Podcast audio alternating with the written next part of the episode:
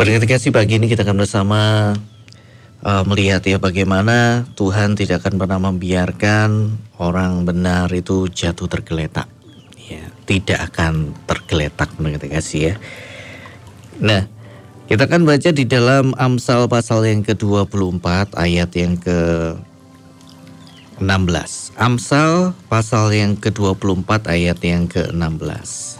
Di sini dituliskan sebab tujuh kali orang benar jatuh, namun ia bangun kembali. Tetapi orang fasik akan roboh dalam bencana.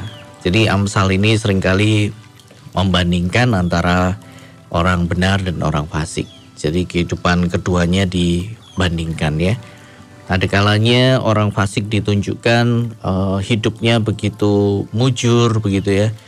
Kok hidupnya rasanya enak. Uh, tetapi perbandingan seperti ini bukan akhirnya membuat kita ini, oh kalau begitu hidup fasik enak ya, hidup jahat enak ya. Sepertinya kok tidak terkena musibah apa-apa ya dengan kehidupannya yang jahat, dengan mulutnya yang sombong, kok sepertinya malah beruntung, ya begitu. Nah, perbandingan seperti ini bukan untuk membuat kita ini akhirnya oh kalau gitu saya mau hidup fasik atau jahat? Ya tidak. Tapi kita mau tetap hidup benar benar sih?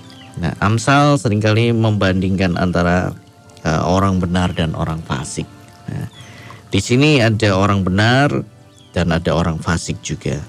Ya orang benar itu tentu bukanlah orang yang benar menurut kebenarannya sendiri. Orang benar di sini adalah orang benar di mata Tuhan Orang benar di mata Tuhan adalah orang hidup sesuai dengan firman-Nya.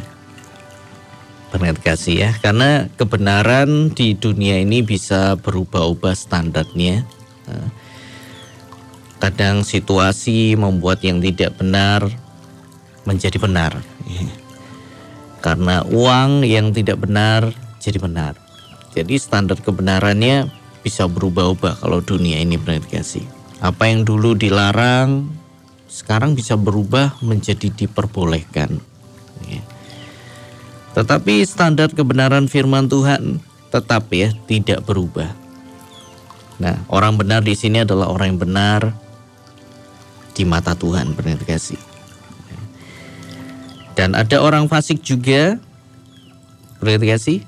Orang fasik ini orang fasik di mata Tuhan juga orang jahat kasih. Nah, ada perbandingannya orang benar dan orang fasik. Orang benar ini jatuh, orang fasik ini roboh kasih ya. Nah, tujuh kali orang benar ini jatuh, tapi ia bangun kembali. Nah, tapi orang fasik akan roboh dalam bencana. Di sini tidak dikatakan tujuh kali orang fasik roboh ya. Nah, tujuh kali orang benar jatuh, ya, tapi dia bangun kembali, menit kasih. Nah, orang itu bisa jatuh kenapa, pendengar kasih? Orang itu bisa jatuh karena kesalahan kita sendiri, kita bisa jatuh, nah, kasih ya, atau tidak sengaja dan akhirnya kita jatuh, nah, pernah tersandung. Nah, kenapa kita tersandung?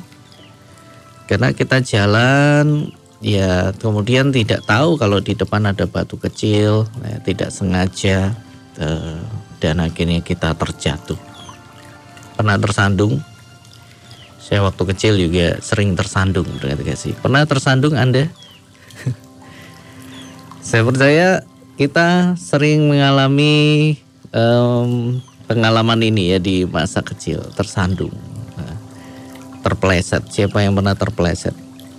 Ya, terpleset karena tidak tahu kalau itu licin benar gak sih? Kita berlari di lantai yang baru saja dipel begitu, akhirnya kita terpleset, jatuh. Nah, Begitu gak sih? Jadi jatuh ada macam-macam. Ada jatuh karena tidak disengaja, karena kita tidak tahu. Ada yang jatuh karena kesalahan kita sendiri, pernah dikasih jatuh karena kita kesalahan kita sendiri ya karena kita tidak berhati-hati nah, kita akhirnya jatuh nah. kasih ya. Ada juga jatuh karena orang lain, ya, karena kita um, sedang terhubung dengan orang lain ya. Maksudnya begini. Jadi kalau kita dibonceng ya naik sepeda, ya, yang depan tidak hati-hati, ya, akhirnya sepedanya jatuh, yang dibonceng pun ikut jatuh, betul begitu ya. Nah, peringkat kasih. Jadi yang tidak hati-hati yang di depan, yang belakang juga ikutan jatuh. Berarti kasih. Atau kita naik bus, ya. Kita naik bus. Nah, kemudian bus ini sopirnya tidak hati-hati. Akhirnya bus ini tiba-tiba menyimpang dari jalan, ya. Kemudian jatuh, ya. Akhirnya bus ini terbalik. Nah, yang tidak hati-hati sopirnya kasih tapi kita yang naik bus juga ikutan ikutan jatuh juga kasih nah itu jatuh karena kita ini sedang berada di dalam um, satu hubungan dengan kita terhubung ya dengan sesuatu yang membuat kita jatuh nah kasih ya jadi itu bisa terjadi nah kita jatuh karena hal yang seperti itu karena terhubung seperti itu. Ya. Sama dengan keadaan dunia saat ini kasih. Semuanya ini saling uh, saling kait mengait ya, saling berkaitan. Jadi ketika yang satu terkena bencana kasih, yang satu terkena satu musibah, ya ini akhirnya karena saling berkait, akhirnya banyak yang merasakan dampaknya kasih. Ya banyak yang merasakan dampaknya. Ya kan ketika sebuah bangsa ya, sebuah negara ya terkena sebuah musibah ya. E, apalagi bangsa ini kebanyakan mengekspor ya. Banyak dari bangsa-bangsa lain um, mengimpor barang darinya. Nah, ketika terjadi musibah tidak ada yang bisa diimpor barang keluar. Nah, ini saling berkaitan menurut. Dan apa yang terjadi dari satu negara kemudian merembet ke negara-negara yang lain dan akhirnya karena saling kait mengait akhirnya ya kita ya kasih bisa jadi Anda juga terkena dampaknya kasih. Akhirnya ada perusahaan yang akhirnya harus um, tutup sementara, ya berhenti beroperasi sementara. Nah, karyawan yang bekerja di perusahaan itu, ya ini ada kaitannya ya. Akhirnya apa? Akhirnya karena perusahaannya tutup tidak beroperasi, karyawan dirumahkan. Jadi kita sedang mengalami satu keadaan di mana semuanya saling kait mengait. Ada orang jualan ya, uh, punya produk ya. Tetapi yang beli berkurang kasih. Kenapa? Karena ya karyawan-karyawan dirumahkan, ada yang tidak dibayar, ada yang dibayar separuh, ada yang dibayar sekian persen dan masih banyak lagi. Ada yang jualan tapi siapa yang beli? Nah, jadi semuanya sepertinya saling kait mengait ya. Nah, Eh, bisa jadi kita sedang mengalami hal-hal yang seperti ini hari-hari ini kasih terdampak ya terdampak karena kita ada di dalam uh, hubungan yang saling kait mengait satu dengan yang lain kasih jadi ada sesuatu yang terjadi kasih bisa jadi akhirnya kita mengalami kondisi seperti jatuh ya. Karena banyak yang sudah jatuh dan kita terkena imbasnya. Jatuh bukan karena kita berdosa kasih, tetapi jatuh karena kita terkena imbasnya. Jatuh di sini misalkan pendapatannya semula berapa, akhirnya karena peristiwa ini eh, pendapatannya jatuh ke angka berapa, itu termasuk jatuh kan, turun ke angka berapa. Ya, saya berapa kali survei ya di tempat-tempat uh, penjualan dan penjualan makanan dan saya tanya berapa penurunannya. Ada yang sampai 50% begitu ya. Ada yang turunnya sampai 90%, macam-macam kasih. Nah, ini di, ini bisa kita sebut sebagai satu keadaan yang jatuh kasih. Dari angka 100% penghasilannya turun jadi 50% ya dari angka 100% penghasilannya turun ke angka 10% ini ini adalah sebuah kondisi yang jatuh. Ya. Tetapi kita perlu mengingat kembali kasih bahwa kalau kita hidup benar di hadapan Tuhan kasih. Ya, apabila ia jatuh tidaklah sampai tergeletak sebab Tuhan menopang tangannya. Nah, Berarti kasih Tuhan tidak pernah menjanjikan hidup tanpa kesukaran, ya. Orang benar bisa jatuh, ya. Tapi dia akan bangun kembali. Nah, kasih. Dalam Mazmur 37 ayat 24 apabila ia jatuh tidaklah sampai tergeletak sebab Tuhan menopang tangannya. Nah, kalau di Amsal 24 ayat 16 tadi, sebab tujuh kali orang benar jatuh, namun ia bangun kembali, tetapi orang fasik akan roboh dalam bencana. Di terjemahan yang lain, ya, jikalau kiranya orang benar itu jatuh sampai tujuh kali atau sekalipun orang jujur jatuh berkali-kali di terjemahan yang lain ya, sekalipun orang jujur jatuh berkali-kali ya ya walaupun orang benar jatuh ya dia akan bangkit kembali kenapa pendengar kasih karena ada kasih karunia Allah yang mengangkat. Ya. kasih karunia Allah yang mengangkat. Ya. nah Tuhan tidak pernah menjanjikan hidup tanpa kesukaran tapi dia menjanjikan memelihara kita apa pun yang terjadi. Ya.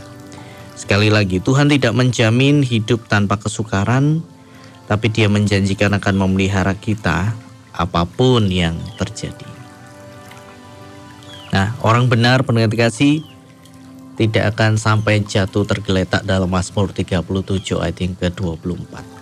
Ya. Jikalau ia jatuh sekalipun, ya, ia tidak akan luka parah. Ya, di terjemahan yang lain dikatakan bila jatuh ia tak akan luka parah. Nah, sebab Tuhan memegang tangannya.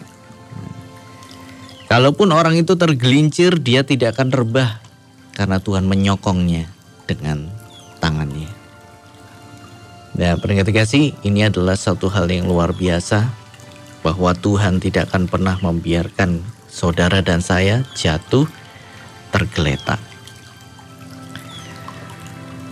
sebab Tuhan menopang ya kehidupan saudara dan saya. Bagaimana dengan orang fasik pendengar kasih? Orang fasik akan roboh dalam bencana. Ya. Orang fasik orang jahat di terjemahan yang lain akan hancur, lebur oleh malapetaka. Jadi ini bedanya pendengar kasih. Ketika ada malapetaka yang terjadi, orang jahat itu akan hancur lebur. Ya, kenapa? Karena tidak ada tangan Tuhan yang menopang. Karena kehidupannya jahat, pengerti kasih. Nah, ketika ada malapetaka dia akan hancur, hancur lebur itu artinya habis, tidak bersisa, tidak berbekas, tidak ada bekasnya sama sekali. Nah, itu yang kan terjadi pengerti kasih ketika orang fasik ini mengalami malapetaka Ya. Orang fasik akan rubuh oleh malapetaka. Rubuh kenapa? Karena tidak ada yang menahannya. Nah, tidak ada yang menyokongnya, tidak ada pendengar kasih yang menopangnya. Karena itu roboh, benar-benar roboh. Di terjemahan yang lain juga, orang durjana akan dimusnahkan oleh malapetaka. Musnah itu artinya hilang sama sekali. Nah itulah yang terjadi pendengar kasih. Karena itu Ketika kita menjaga hidup tetap benar di hadapan Tuhan, tidak ada yang perlu kita takutkan. Benar kasih. Bisa jadi ya kita mengalami jatuh itu karena ya kita terhubung dengan yang lain. Ya, jadi ada satu hubungan yang saling kait mengkait, ya kait mengkait satu dengan yang lain. Jadi jatuh bukan karena dosa, ya, tetapi karena ada satu peristiwa di mana membuat eh, sepertinya jatuh kasih. Tapi percayalah, tidak tidak akan pernah Tuhan biarkan sampai tergeletak. Ya. Kalaupun orang benar jatuh, dia akan bangkit kembali. Tujuh kali dia akan bangkit kembali. Karena apa? Karena ada kasih karunia Allah. Karena ada Tuhan. Bedanya orang benar dan orang fasik apa? Kasih orang benar disertai oleh Tuhan. Orang fasik tidak disertai oleh Tuhan. kasih ya. Orang benar kehidupannya disertai oleh Tuhan. Kehidupannya diperhatikan oleh Tuhan. Kehidupannya ini menjadi perhatian Tuhan. Orang saleh itu diperhatikan oleh Tuhan berarti kasih. Menjadi pusat perhatiannya Tuhan. Nah, sama seperti Ayub ya. Ayub itu diperhatikan Tuhan walaupun Ayub sendiri bisa jadi tidak menyadarinya ya. Tapi di dalam Ayub ya Tuhan sangat memperhatikan kehidupan Ayub penuh kasih. Ya. Dan dia membanggakan kehidupan Ayub. Perhati kasih ya. Kita akan baca di dalam Ayub 1. Apakah benar sih Tuhan itu memperhatikan kehidupan orang benar ya? Ayub 1 ayat yang ke-8. Di situ dituliskan, lalu bertanyalah Tuhan kepada iblis, apakah kau memperhatikan hambaku Ayub? Sebab tiada seorang pun di bumi seperti dia yang demikian saleh dan jujur, yang takut akan Allah dan menjauhi kejahatan. Nah, Tuhan berkata, apakah engkau memperhatikan hambaku Ayub sebab tiada seorang pun di bumi seperti dia yang demikian saleh dan jujur, yang takut akan Allah dan menjauhi kejahatan. Jadi Tuhan memperhatikan, Tuhan tahu Ayub ya. Dia itu melihat ke seluruh bumi, kemudian dia menemukan tidak ada yang benar seperti Ayub ini. Ya yang sedemikian saleh, jujur dan takut akan Allah dan menjauhi kejahatan. Ya, Ayub itu takut akan Allah dan menjauhi kejahatan. Ciri dari orang yang takut akan Allah adalah menjauhi kejahatan. kasih. Itu kehidupan orang benar, orang saleh di mata Tuhan. Menjauhi kejahatan. Nah, kalau orang fasik itu kan hidupnya jahat ya Artinya dia selalu bergaul dengan kejahatan, ya. Dia selalu bertingkah laku yang jahat. Ya. Padahal orang benar adalah orang yang takut akan Tuhan, adalah orang yang menjauhi kejahatan. Nah, berarti kasih. Jadi di sini Tuhan benar-benar memperhatikan kehidupan orang benar. Menjadi perhatiannya, berarti ya. Dan karena itu Tuhan tidak akan pernah membiarkan setiap orang yang hidup benar sampai tergeletak. Karena Tuhan menopang kehidupan saudara dan saya. Nah hari ini apa yang sedang kita alami pendengar kasih, apa yang sedang kita alami hari-hari ini percayalah bahwa tangan Tuhan menopang kehidupan saudara dan saya. Ya. Ada tangan Tuhan yang menyokong. Ya, apa pun yang terjadi hari-hari ini percayalah itu tidak akan membuat kita hancur lebur habis binasa. Ya.